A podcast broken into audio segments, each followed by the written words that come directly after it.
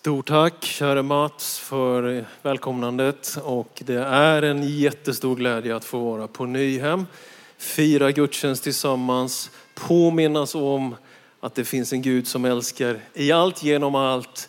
Och han är värd vårt gensvar. Och jag är så tacksam för den nåd som vilar över Nyhem. Det är en plats där vi får möta Gud och jag tror att han har någonting han vill göra också den här kvällen. Hörrni, innan själva predikan så brukar jag ändå på de här kvällsmötena på Nyhem, brukar, tre år, så vill jag berätta några saker som har hänt det senaste året. Jag vill att vi ska ge Jesus ära och hylla honom och applådera om en liten stund, för jag kommer säga några saker som han har gjort det här året.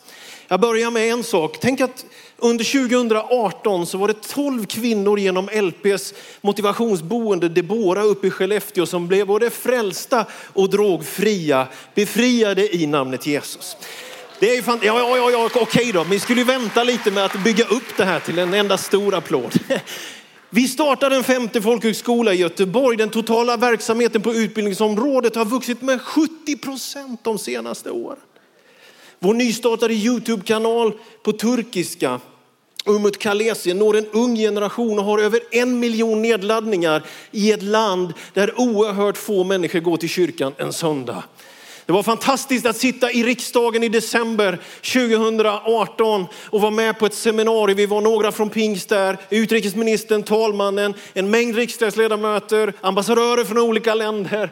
Och så var det fredspristagaren Dennis Mukwege som ledde ett seminarium där. Och när han kommer fram där och inför alla dessa dignitärer så börjar han sitt tal med att säga, jag vill tacka den svenska pingströrelsen. Jag vill tacka den svenska pingströrelsen för att ni sänder missionärer. Jag vill tacka den svenska pingströrelsen för att ni byggde sjukhus mitt under brinnande krig i mitt land. Kände man att man tackar Gud. Jag tackar Gud för att det fanns en brinnande pastor i Linköping som kände inom sig att hon skulle samla ihop vad händer med konvertiterna i Sverige och hur blir de behandlade? Över 600 personer ifrån fem samfund och vi får dokumenterat det som händer av både rättsosäkerhet och svårigheter men också denna enorma värme som både vår och andra rörelser har visat i hjärtat för de som har kommit till Sverige. Och vi lever med det här, vi bär det här och ikväll vill jag säga tack till dig som heter heter Ali eller Resa eller Fatima och är i den här lokalen. Ni har betytt så mycket för mig. Ni har betytt så mycket för våra församlingar. Ni är glädje fast ni ibland har väldigt mycket tufft i era liv. Ni sprider liksom, ni säger brorsan som nästan bara Tiglet kan annars. Det kommer så mycket fint genom dessa konvertiter. Och det finns så mycket att lyfta fram. Jag är glad att Pingst Ung, Pingst Omsorg och LP plockar fram och säger det finns hopp mitt i psykisk ohälsa. Ett nytt fräscht material och något som håller mig vaken och bedjande på nätterna det är att vår rörelse ska vara en växande rörelse. Och det går inte att säga att det växer så det bara knakar, men det går att säga att det växer.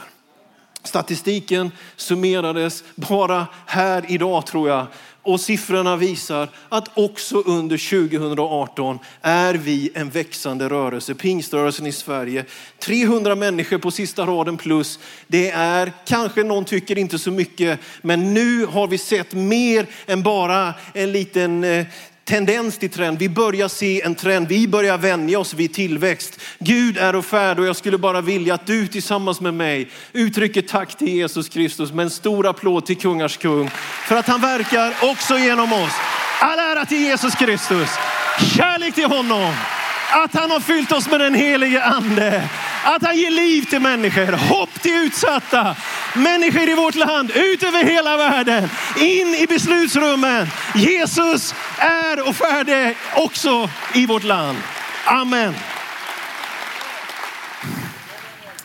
Det känns som det skulle kunna gå att predika här ikväll. Alltså, för ett par år sedan så bestämde vi oss för, jag, min fru Susanne och vår yngsta tog vi med oss till en klassisk charterresa till Grekland. Jag gillar den grekiska maten, souvlaki. Jag dricker ingen OC, jag lovar, men jag gillar maten och kulturen. Så vi åkte till grekiska övärlden, vi åkte till Kos. När vi skulle åka hem så begav vi oss till flygplatsen, vi packade våra väskor. Och när vi hade suttit där nästan hela dagen så fick vi besked om att vårt plan var inställt, det var något fel på planet. Sent om kvällen så blev vi bussade till ett annat hotell. Värmen, jag lovar, det var varmare än här. Vi kommer till ett annat hotell sådär vid midnatt. Dåsiga, trötta efter värmen och en hel dag sittande väntande på en flygplats. Och vi hinner inte mer än att bara dåsa rätt i sängen, slumra till lite grann. Så börjar våra sängar att hoppa och skaka. Ja, alltså inte av, inte av något äktenskapligt så, utan, utan, av, utan av någonting helt annat. Utan av något helt annat. Vi, jag blev livrädd, vi bara flög upp. Inom loppet av bara några sekunder så var jag helt övertygad om att jag skulle dö. Och du vet, man hinner inte riktigt tänka ändå, ska jag livesända innan jag försöker överleva eller ska jag försöka överleva först och livesända sen? Utan jag bara upp där, kära Jesus förlåt mig, alltså jag trodde jag skulle dö och så hör jag någon ropa earthquake liksom. Så är vi med om ett jordskalv. Och allting i det här sömndruckna, trötta en dag på flygplatsen, man fattar ingenting och någon bara ropar earthquake. Det bara skakar och man kommer så nära. Och den här texten som jag ska läsa alldeles strax, det handlar om ett slags jordskalv eller kanske ett efterskalv från pingstdagen. Och jag kan bara tala om för dig att när man är där och är med om det här skalvet så är man väldigt liten. Och man inser att man kontrollerar inte skedena utan man är med i någonting som är mycket större än vad man själv har förmåga att ta ansvar för. Det är skrämmande. Men det finns någonting med de här skalven som också har med Guds agerande att göra. Det skakar till på den tredje skapelsedagen. Det mullrar och skakar vid korset. Det händer ju någonting på pingstdagen när eldstungen kommer. Det dånar, det stormar och det finns någonting utav naturelementen. Jag är här ikväll för att predika ett budskap som jag känner inom mig behöver få sägas. Och jag tänker att jag vill, om jag kan, få fram några enkla tankar. Jag skulle vilja gå emot allting som förminskar din gudsbild och vad du tror att Gud kan göra genom dig. Jag skulle vilja få predika en predikan, inte bara till jag, mitt och mitt eget, utan till folket, till rörelsen, till strömningarna, till det vidgade, till det som når längre och det som faktiskt ligger på Guds hjärta. Att någonting kan skaka i sina grundvalar, men det enda som består är den Guds stad som han har etablerat genom sitt eget ord. Det finns kraft källor. Det finns kraftcentraler och jag tänker, jag vill inte ta för stora ord i min mun, men jag tänker att en nyhemskonferens i sig och ett kvällsmöte som detta kan vara större än mötet i sig. Jag är tacksam för varje person som är här, för varje person som lyssnar till det här via nätet. Men jag tänker i mitt hjärta att om Gud får sin hand med oss så kan det beröra tusentals och tiotusentals. Det skulle kunna beröra hundratusentals och till och med miljoner ut över världen. Om Gud får ta tag i oss och ge oss någonting som vidgar. Jag vill läsa från Apostlagärningarna 4, vers 23 till 31. Jag hoppas du vill stå upp tillsammans med mig. Vi respekterar Guds ord, vi älskar Guds ord. Ibland kan det vara fint att få stå upp och markera det över hela vår gudstjänstlokal här i Nyhemsvallen ikväll. Det är läkaren Lukas som skriver den eh, medarbetaren till Paulus. Eh, allt det som finns här är en, en glädje utav att han tecknar ner i sitt evangelium också det här berättelsen från apostlagärningarna och från fjärde kapitlet från verserna 23 till 31 i tro på Guds ord i Jesu namn. När de blivit frisläppta gick de till sina egna och berättade allt vad översteprästerna och de äldste hade sagt till dem. När de hörde det ropade de tillsammans till Gud och bad. Herre du som gjort himmel och jord och hav och allt som finns i dem. Du har genom den helige ande talat genom vår fader David, din tjänare. Varför rasar hedna folken? Varför tänker folken tomma tankar? Jordens kungar reser sig och förstarna gaddar ihop sig mot Herren och hans mode. Ja, de gaddade verkligen ihop sig i denna stad mot din helige tjänare Jesus som du har smort. Herodes och Pontius Pilatus gick samman med hedningarna och Israels stammar för att utföra det som du med din hand och ditt beslut hade förutbestämt. Och nu Herre, se hur de hotar oss. Hjälp dina tjänare att frimodigt förkunna ditt ord. genom att du räcker ut din hand och låter helande tecken och under ske genom din helige tjänare Jesu namn. När de hade bett skakades platsen där de var samlade och de uppfylldes alla av den helige ande och förkunnade Guds ord med frimodighet. Amen. Varsågod och sitt ner.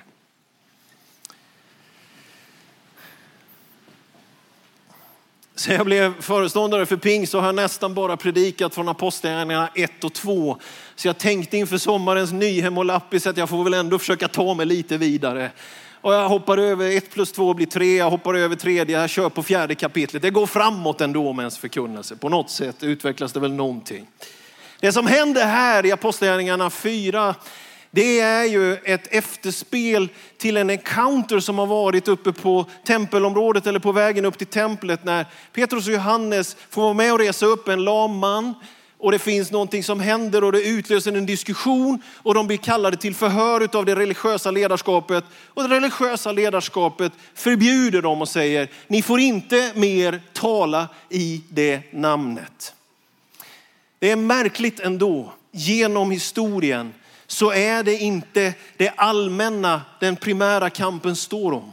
Tilltron till en Gud. Utan det är när man kommer till det partikulära. Det är när man närmar sig den där personen som vi älskar mer än alla andra. Han som är mild i blicken, ändå fylld av eldslågor. Han som är summan utav hela livet, honom genom vilket allting är skapat och allting är på väg till honom. Han är den förstfödde från döden, han är uppståndelsen och han är livet. Honom som vi tillber, han är den enda vägen till Gud. Det är den kristna kyrkans 2000-åriga bekännelse. Det finns en acceptans för det breda, men det är runt Jesuspersonen vi samlas och det är där också någonting ställs på sin spets. Vem är han? Så lärjungarna de går tillbaka till de sina, de går tillbaka kan man säga till den övre salen. De möter församlingen igen. Du vet, det händer någonting på pingstdagen och de går ut. Här händer någonting som vi redan läste och det finns någon slags efterskalv och det fortsätter. Jag tänker att det är lite trösterikt att den tidiga kyrkan liksom testar och så får de backa hem. När den amerikanska pingströrelsen Foursquare Church bildades av en kvinnlig förkunnare, Amy Simple McPherson, så återkommer hon ibland i det hon skriver och predikar till begreppet the tarrying room. Rummet där man får vänta, platsen där man ber eller den övre salen, inväntandet. Det judiska ledarskapet ville tysta församlingen, ville trycka dem tillbaka och det som händer här tror jag skulle kunna vara profetiskt för vår rörelse och för den svenska kristenheten. Det det står emellan är ju att passa in, att låta impulserna av rädsla kalibrera framtiden. Det här är någonting skirt, det är någonting nytt, det har precis börjat och redan stöter det på motstånd. Vet du när man gör förändringar så det första steget när man har gjort dem blir det nästan alltid lite sämre först. Jag har märkt det genom trots allt 25 års av ledarskap att det gäller att vara uthållig i förändringar om det ska bli någonting utav det. Många kan prata, visioner sätter igång, men det är kraftfullhet, tyngd, fart och riktning och uthållighet som gör att man når sina mål. Vad händer i det här läget? Man tar ett steg fram, men man får det här trycket direkt emot sig. Du har känt av det på jobbet, du vill säga någonting inför julen. Du har känt av det kanske i till och med kyrkan, att det finns ändå någon slags, det är någon slags tröskel, det är någon slags motstånd. Vad ska man göra? Vad ska den kristna rörelsen göra i Sverige?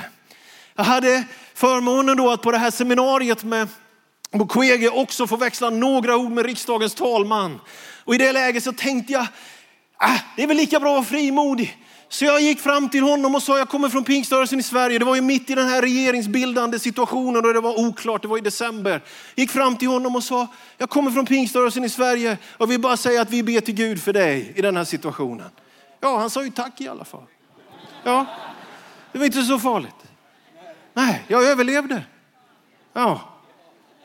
Även en talman kan ju behöva lite förbön och veta om att det händer. Så la jag ut det på min Facebook-sida samma kväll för jag tänkte nu gäller det att få någon att be också. Och det fanns ett väldigt gensvar från er och många, många och vi bad. Och så fick vi i alla fall åtminstone den frågan löst. Sen hur, det kommenterar jag inte här. Nej, De dras tillbaka till den övre salen. Det judiska ledarskapet ville tysta. Det finns alltid krafter som vill tysta.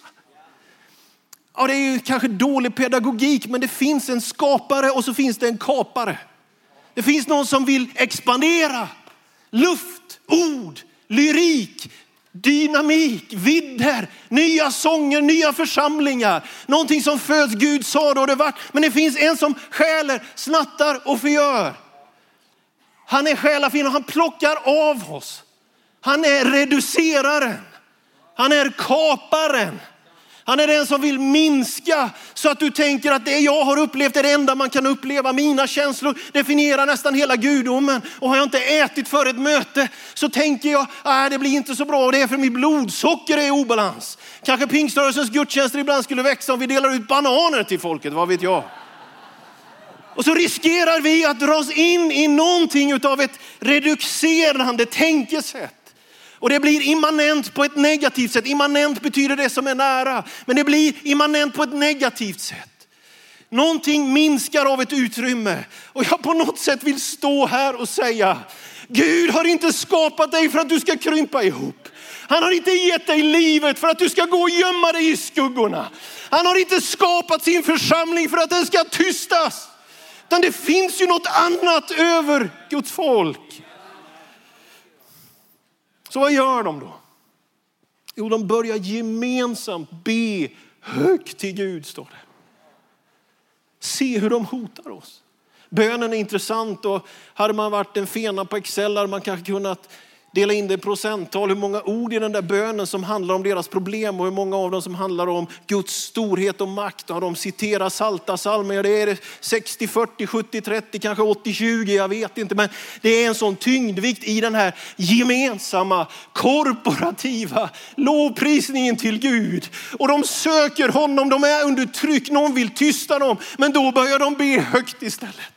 Det är Guds folkets äkta och riktiga gensvar på hot. Inte kanske att gaffla emot, emot de som vill kapa och reducera, men att utgjuta våra hjärtan högt till Gud. Må det vara så att när trycket ökar i tiden så stiger värmen i våra församlingar. Må det vara så att när folk vill att vi kan ju få finnas men helst inte synas, att vi bestämmer oss för att visa med hela kroppen att vi går till kyrkan och är med och prisar Gud så att det hörs. De började gemensamt be högt till Gud. Dag Hammarskjöld skriver att ett landskap kan sjunga om Gud, en kropp om ande. Det finns ett gensvar från skapelsen, från Moder Jord som skälver och från den enskilda själen som går upp i församlingens lovprisning. Och någonstans vill jag bara stå här och slå ett slag för att se dig som en del i den stora skaran att se dig som en del i Lammets brud, i den högtidsklädda skaran, de förstfödda, Sionsberg, det himmelska Jerusalem. Vi tillhör ett alternativt rike, vi tillhör en alternativ stad.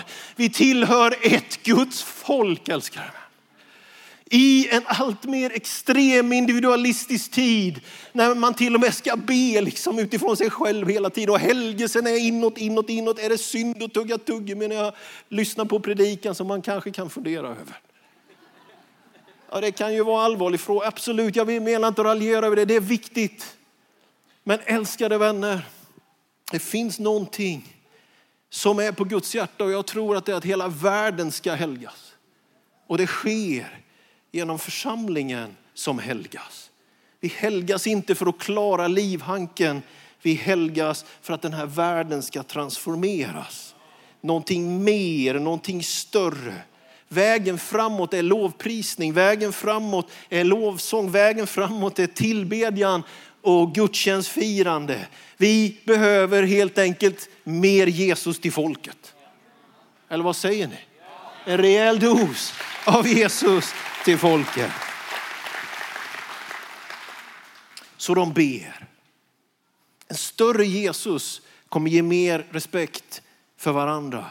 En större Jesus kommer ge mer kärlek till den som ännu inte tror. Det som händer här är att de inte ber att bli av med Herodes och Pilatus.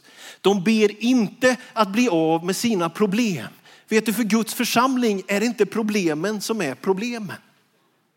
Det är inte om de ska hantera det där på ett sätt som passar det, det yttre trycket säger att de ska göra. De ber inte ett ögonblick om bättre konjunktur. De ber inte om att bli av med arbete och uppdrag. De ber om en enda sak och det är min bön den här De ber om mer frimodighet. De ber om mer frimodighet. Stärk dina tjänare nu så att de frimodigt predikar. Låt tecken och under ske i din helige tjänare Jesu namn. Trycket finns, fobierna finns. Någonting vill minska, kapa, reducera. Den äkta, sanna, Gudsströmsdrivna församlingen ber. Åh, gör vår pastor ännu mer frimodig idag. Han fick lite tryck igår, ännu mer frimodig idag. Hen, vår pastor, låt henne få upp uppleva välsignelsen av att vi ber för henne. Det är någonting annat.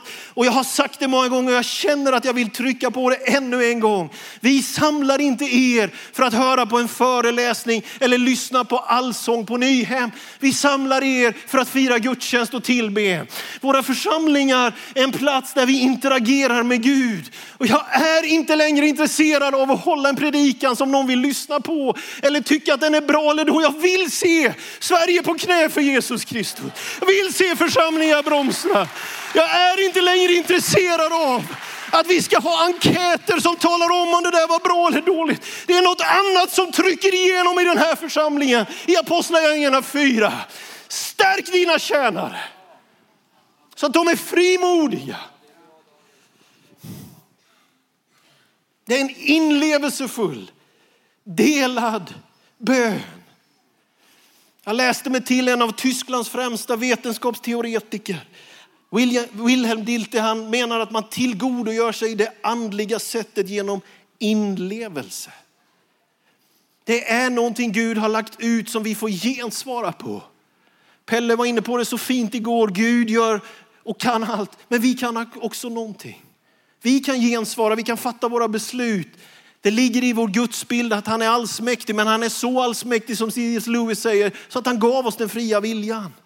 Och Dilthey talar om att man tillgodogör sig andligt liv genom inlevelse. Alltså din attityd, min attityd, vårt förhållningssätt till ett möte som detta eller en cellgrupp i församlingen eller ett gatumöte eller vad än det än är i församlingsgemenskap. Det är någonting av inlevelsen. Församlingen här hade en gemensam bön och den hördes och de brast ut i den. De ropade till Gud. Och där finns någonting. En identifikation, en slags empati med det som ligger på Guds hjärta. Inte sände Gud sin son till världen för att döma världen utan för att världen skulle bli frälst genom honom. Står det i Johannes 3.17. Och det som händer när församlingen interagerar med anden är ju att mer av det som ligger på Guds hjärta blir på vårt hjärta. Mer av det han känner, känner vi av. Mer av det han hör, de nödrop som går upp till honom. Det känns av i församlingskroppen. Och i den här gemensamma kroppsliga inlevelsefulla identifikationen i ropet till Gud så blir vi ett med det han vill göra göra och kroppen blir satt i rörelse på det sätt som han vill. Och jag, ju mer åren går så kan jag inte predika att mitt liv, liksom att det är, min tjänst bygger på min förträffliga, om det nu finns någon sån karaktär eller kunskap eller att jag håller liv i någon slags nätverk och kontakter. Någonstans är det så att för varje dag som går, och jag tycker det har varit så inte minst den här våren, så känner jag att jag är så beroende av Golgata alldeles själv. Jag är så beroende av nåd alldeles själv. Jag kan inte stå här och säga till er att det som gör mig eller andra Mats och oss som tjänar här på Nyhem eller i våra församlingar liksom kvalificerade. Ja, men det är att vi är någonting i det vi gör, utan det är ju att vi har varit vid korset. Vi, vårt liv är märkt av Jesus. Vi älskar honom. Vi tror att han är enda vägen till Gud och vi älskar honom. Han är kärlek personifierad, Gud på vår nivå. Han är vår bäste vän. Och i all sin mildhet är han den allra mäktigaste. Han förenar evighet och nu, himmel och jord, gårdag och framtid. Allt är till genom honom. Och i honom får det sin fullhet. Och därför är jag så otroligt tacksam för pingst. För vet att även om det kanske låter sådär halvt ödmjukt, när man talar om pingstförkunnelsen som full gospel, det fullständiga evangeliet. Vem kan göra anspråk på det? Att man predikar det. Men det är ju ändå så att vår rörelse föddes och vi försöker förvalta det arvet. Att anden väcker en kärlek till Jesus och det bär fram en förkunnelse som leder till att vi ser att det är Jesus som döper i helig ande. Det är Jesus som botar våra krampor, Det är Jesus som renar oss. Det är Jesus som bygger sin kyrka och det är Jesus som en dag ska komma tillbaka. Det är vad man klassiskt brukar mena med full gospel. Och det är ju det här som händer i den tidiga kyrkan. De predikar ju inte kyrkan. De drar ju inte människor till en församlingsvision egentligen. Utan det som kommer ut igenom det, det är att Jesus frälsar varje människa. Som sätter tro till honom. Det är denna andliga empati som riskerar att eroderas i det hörnet där någonting kapas av oss. Om du var en missbrukare igår kan du vara en evangelist idag. Om du var full igår av det som var dåligt material, dåliga filmer, saker som bryter ner dig, snacka illa om människor, så kan den helige använda dig och tjäna Gud idag. Det är vår bestämda övertygelse att det finns en progression i detta. Finns det en framtidsriktning? Det är inte kört för dig. Det är inte kört för dig. Om det finns havererade relationer, om det finns havererade situationer. Jag vill ändå bara stå här och säga, tack vare Jesus seger på Golgata så vill han använda dig. Du som definierar dig som misslyckad, han vill använda dig. Det är så i den tidiga kyrkan och det är så också idag. Den helige andes utgjutelse går till ditt innersta kanske ibland skamfulla. Vrårna och det skuggiga dit du hoppas att ingen ska se och komma på dig. Men anden blir given över allt kött, profeterar Joel.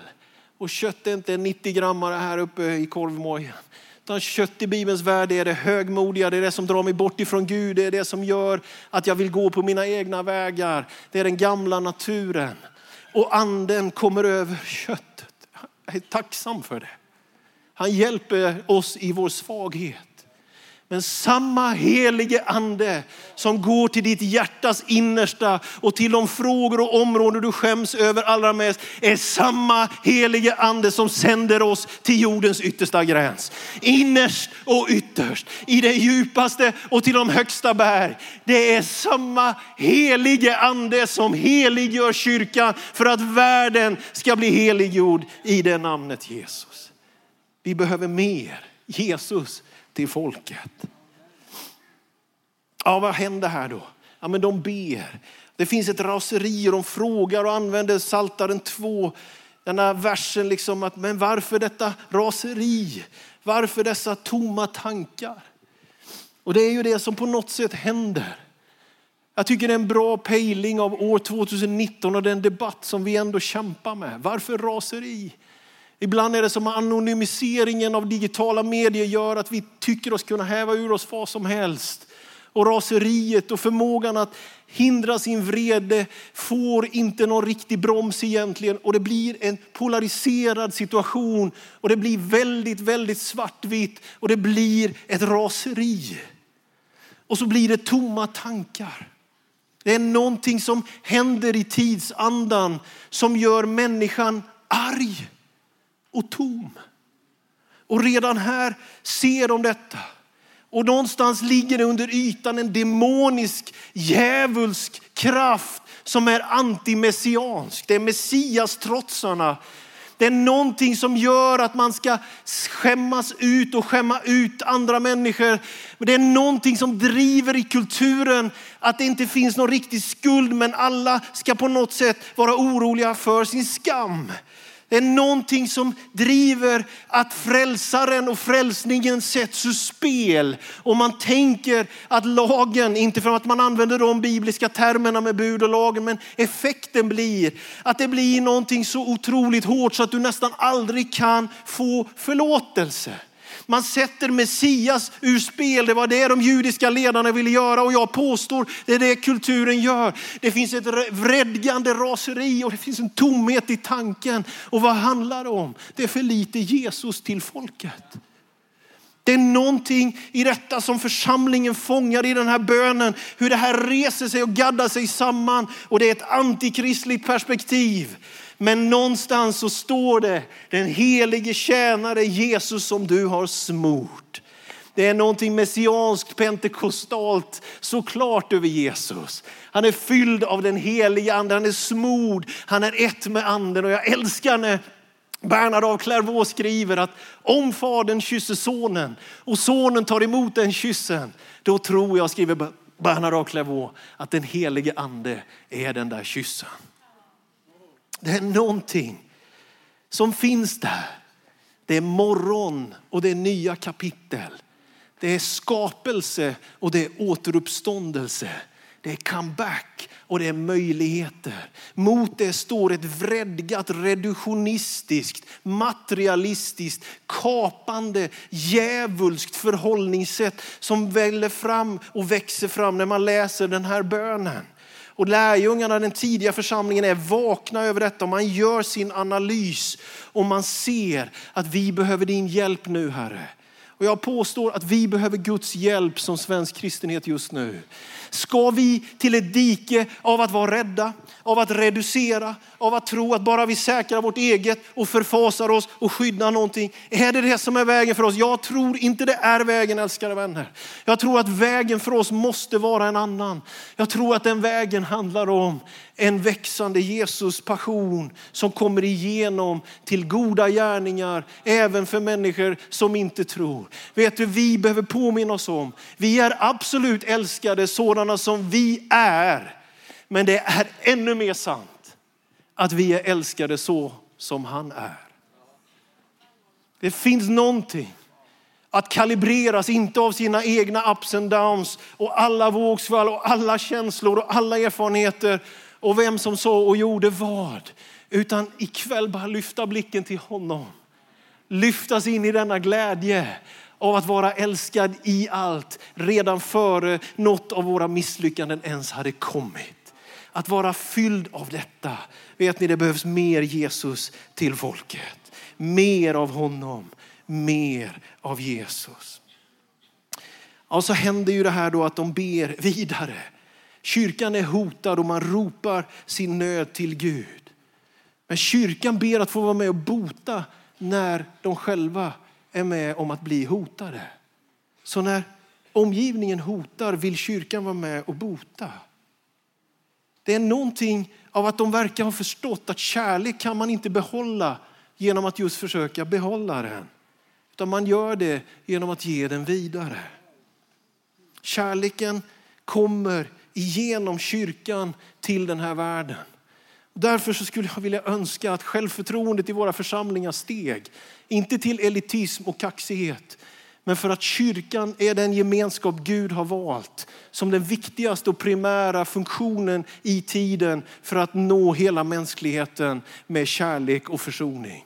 Det är kyrkan. Det finns inget viktigare än församling. Uppgradera din syn på kyrkan. Kyrkan är mycket större än sin verksamhet. Kyrkan är mycket större än sin struktur, än sitt ledarskap. Kyrkan är den helige andes redskap och bostad. Platsen där vi blir kyssta och där blir vi sända. Där vi blir själavårdare och där vi blir missionärer. Kyrkan förtjänar stöd. Kyrkan förtjänar goda ord. Din pastor, församlingsledning, inte för att de är perfekta, men låt oss be för predikanterna. Låt oss be för dem som sätter ord på vår tro. För det är det det står om här. Skulle de bli tysta, skulle de skrämmas till tystnad. Det finns en psykoanalytiker, Kristoffer Bolla, som myntar ett begrepp normopati, ett ganska nytt begrepp. Där tiden på något sätt driver oss till att i detta gytter av strömningar så ska vi vara så normala och funktionella som möjligt. Man ska ha en app eller ett verktyg för att bli bättre. Bättre människa, bättre på jobbet, kanske till och med i kyrkan, vad vet jag. Vi ska funka, vi ska hålla, vi ska klara vår uppgift. Men jag tror att även om vi ibland behöver schyssta redskap och hjälpmedel så tänker jag den här kvällen att det vi primärt behöver är ett rejält bad i den helige ande. En fördjupad inlevelse och erfarenhet utav det som är den äkta, sanna kärleken. Vi är inte zombies, vi är inte religiösa robotar. Kyrkan är inte en fabrik där någonting produceras. Den är en gemenskap, den är en kropp, den är en familj. Och någonting händer i det här läget. Och de här lärjungarna de ber. Se hur de hotar oss Herre och ge då dina tjänare frimodighet att förkunna ditt ord.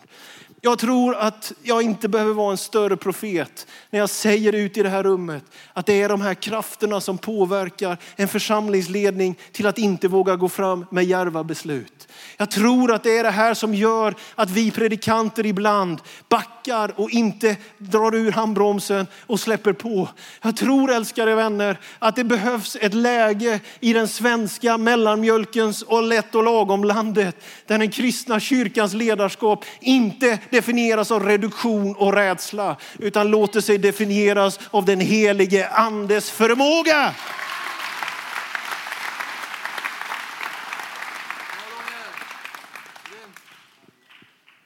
De ville inte bli av med varken sina uppgifter eller sina problem. De bad om frimodighet. De ville inte bli av med varken Herodes eller Pontius Pilatus verkar det som. De ville ha kraft. Det är att dra rätt slutsats.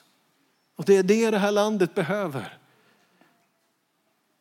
Och jag har sagt många gånger och det är koncentratet i två ord av den framtidsbild vår rörelse har antagit sedan tre år tillbaka.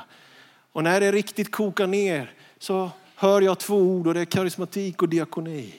Det är tungomålstalande och det är sång i den helige ande. Det är kallade ämbetsbärare och det är andligt bruk av andliga nådegåvor. Det är drömmar, syner, visioner, uppenbarelser. Det är tecken och under. Men det är inte introvert, frikyrkobrojlande, kliande på någon ryggmärg av religiositet. Utan det handlar om att orka ge sig ut på nätterna och leta efter de förlorade. Det handlar om att plocka upp plånboken och ge något till någon annan. Det handlar om att leva ett generöst liv. Det är viktigt med tänkandet, det är viktigt med teologin. Men ska vi ägna de kommande tio åren och någon slags åsiktsgemenskap så tror jag vi kommer tappa fart.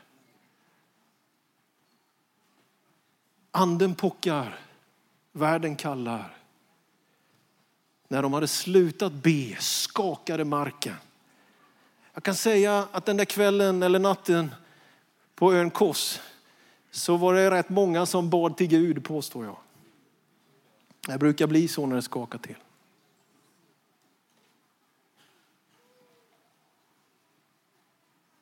Mer Jesus till folket. Chris Green, en amerikansk pingstteolog, landar med det. Han säger att God is a house on fire.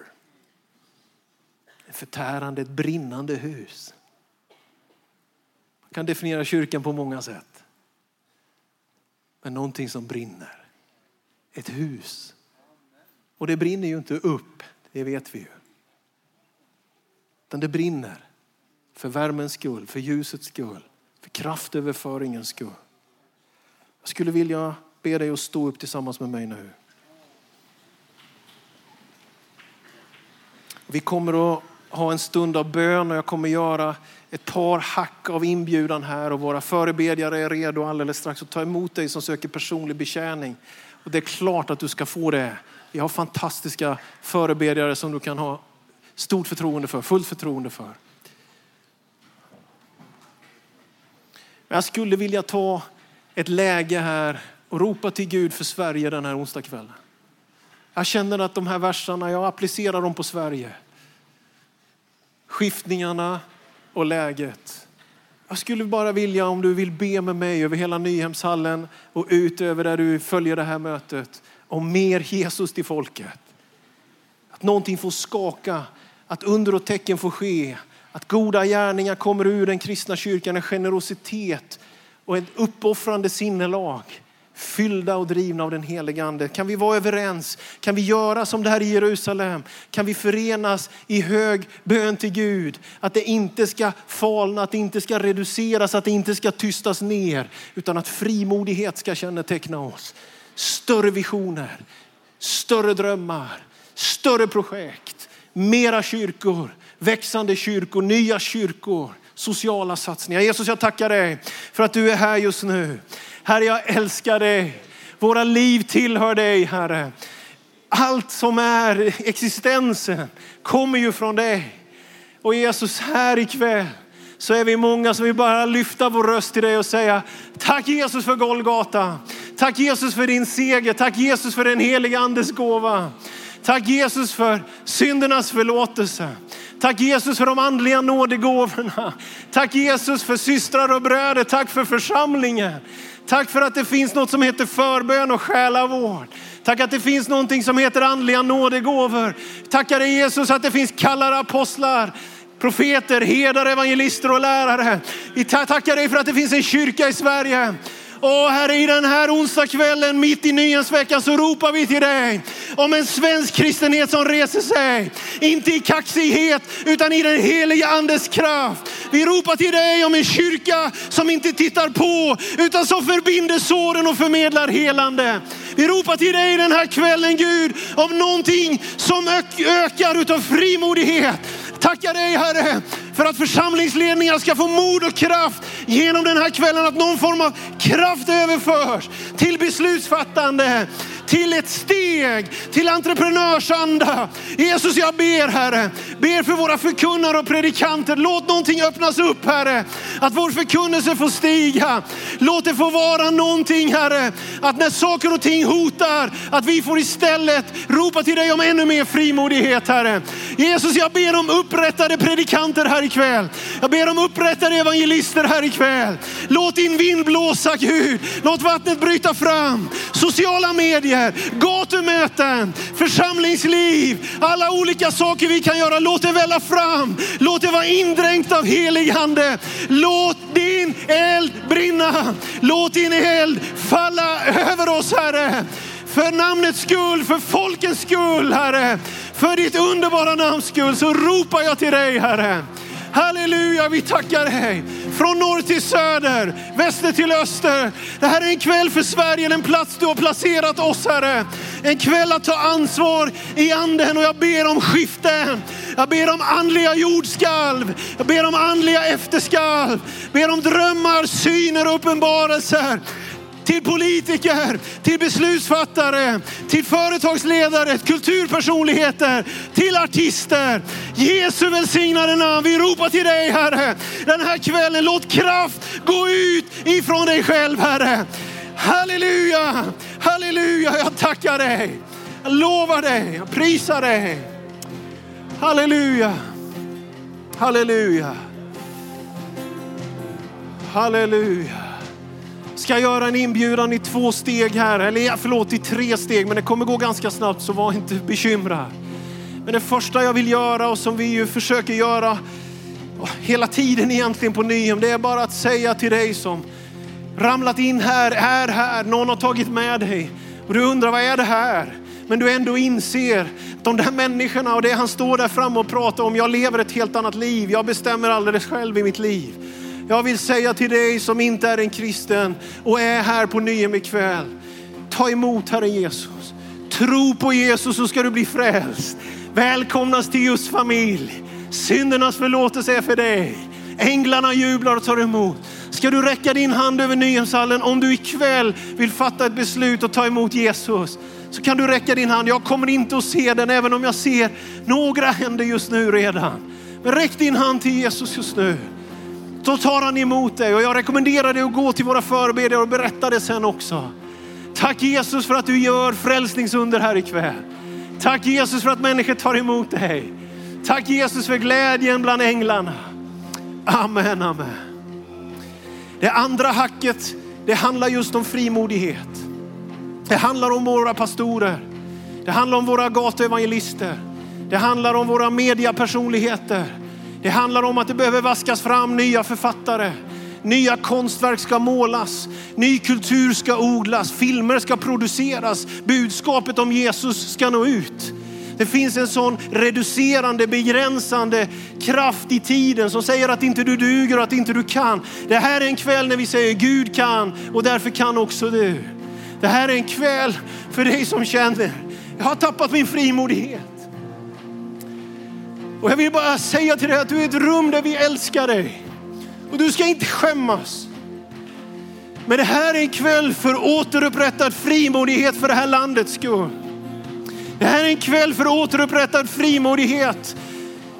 För sångare och musiker, för predikanter, men för så många, många mer rum och utrymmen och områden än så. Kan ni komma som dras till kultur, till konst, till musik, till skapande, till entreprenörskap, till företagande. Men som har känt dig hotad och som har känt dig bara krymper och du vet knappt vad du tror på. Men den här kvällen händer någonting. Jag uppmanar dig att bara komma fram här och ställa dig. Du som längtar efter frimodighet. Jag kommer att bjuda in klassiska predikanter alldeles strax. Men du som längtar efter att få bli bra. Jag känner att ja, men jag vill stå här. Jag vill bara säga. Människor som ska jobba på mediaföretag eller på kommunala förvaltningar. Människor som är egenföretagare. Var finns ni någonstans som bär ett kall? Att leva på det sättet. Jag utmanar dig. Jag skulle så gärna vilja få be tillsammans med dig. Att du ska få frimodighet. Att skapa någonting.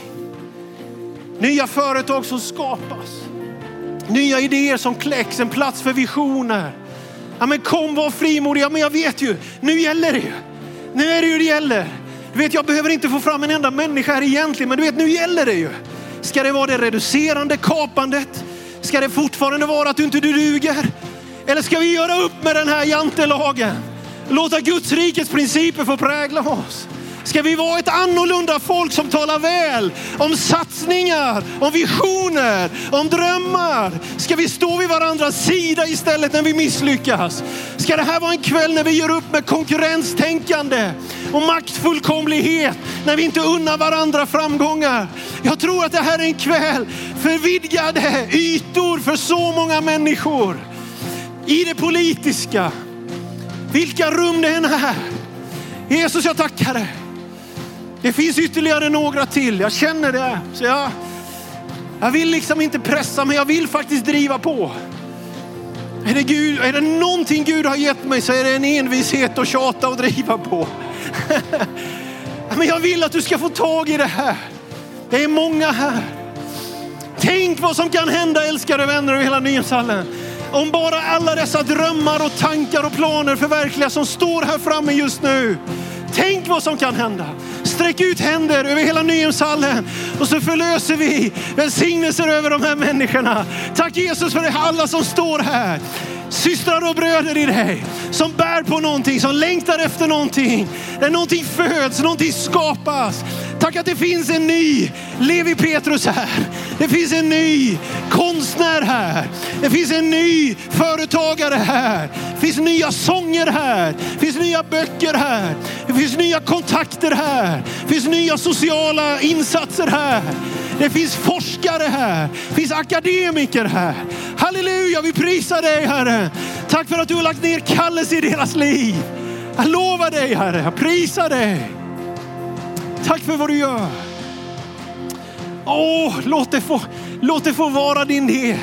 Skapande tillhör ditt liv. Amen. Amen. Amen. Hela ditt liv, tjäna honom, älska församlingen. Briljera i din gåva, låt den få blomstra, absolut. Men var alltid ödmjuk och älska alltid din församling.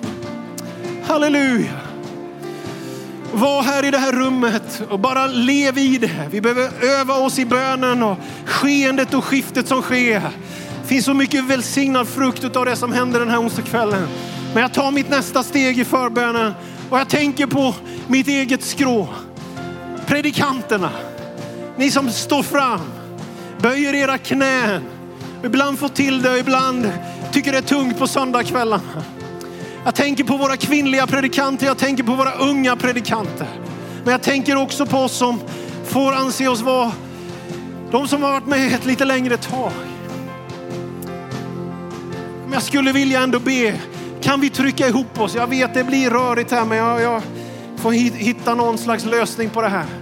Kan vi bara trycka ihop oss så skulle jag ändå bara vilja att få fram så mycket predikanter som möjligt så att ni kan se åtminstone en del av dem. Vi får be för predikanterna. Nu är det pingströrelse och viss pingströra här. Jag är medveten om det. Var finns du som bär en kallelse till missionstjänst? Var finns du som bär en kallelse till att bli en predikant? Var finns du som tänker en dag vill jag stå där Daniel står? Det är okej okay att tänka sådana tankar. Var är du någonstans? Var finns du som är på väg att ge upp din predik och gärning? Var finns du som är 75 år gammal och tänker, har jag gjort mitt? Var är det? Kan vi få en kväll för frimodighet älskade vänner? Kan vi få en kväll för överlåtelse, förnyad överlåtelse? Och glädjen i att få sätta ord. Du vet mellan huvudet och kroppen sitter halsen, struphuvudet, talorganet. Det förbinder honom och den rörliga kroppen. Åh, nu ber vi för alla predikanter. Jesus, jag tackar dig för alla förkunnare vi har. Och jag ber att de ska ha mycket uppmuntran i sina församlingar. Få mycket glädje, få mycket stöd. Jag ber att det ska gå lätt för dem att predika. Jag ber om en mjuk mylla i våra församlingar, att vi älskar förkunnelsen, älskar predikan och bibelstudier.